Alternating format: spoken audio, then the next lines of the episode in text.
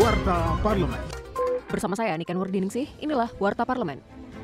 Wakil Ketua Badan Legislasi DPR RI, Ahmad Baidowi, mengatakan proyeksi ekonomi yang disusun dalam RAPBN 2024 harus realistis dan mempertimbangkan segala potensi risiko dan ketidakpastian. Menurutnya dalam menghadapi dunia yang terus berubah, fleksibilitas dalam rencana ekonomi sangatlah penting. Politisi fraksi P3 ini menilai rentang pertumbuhan ekonomi antara 5,3 hingga 5,7 persen terlihat cukup optimistis, mengingat kondisi ekonomi global yang belum membaik. Ia menyampaikan pentingnya mempertimbangkan ketidakpastian eksternal, seperti seperti perubahan geopolitik, perubahan kebijakan global, dan dampak pandemi yang masih berlanjut.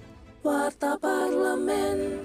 Terkait RAPBN 2024, anggota Komisi 10 DPR RI, Ledia Hanifa Amalia, mengatakan pertumbuhan ekonomi akan berhasil jika diiringi dengan peningkatan kualitas pendidikan ketika kita memastikan ingin memiliki pertumbuhan ekonomi seperti itu, kita tidak boleh mengabaikan ada hal penting yang menjadi amanat konstitusi, yaitu 20% anggaran untuk pendidikan. Jadi ketika kemudian dinaikkan, pertumbuhan ekonominya bisa baik, tapi harus pasti dia distribusinya ke mana. Distribusi yang paling utama amanat konstitusi kan 20% untuk pendidikan.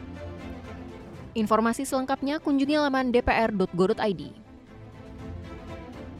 Menanggapi RAPBN 2024 beserta nota keuangannya, fraksi PKB mengusulkan agar peningkatan kualitas SDM tetap menjadi fokus, guna meningkatkan pertumbuhan ekonomi di angka 5,3 persen. Menurut fraksi PKB, salah satu kunci menjadi negara maju adalah kualitas sumber daya manusia yang kompetitif dan berdaya saing. Kualitas SDM harus ditingkatkan dan dioptimalkan, baik melalui reformasi struktural, peningkatan kualitas pendidikan dan vokasi, serta program-program yang berorientasi pada peningkatan kapasitas SDM dan padat karya. Televisi Radio Parlemen.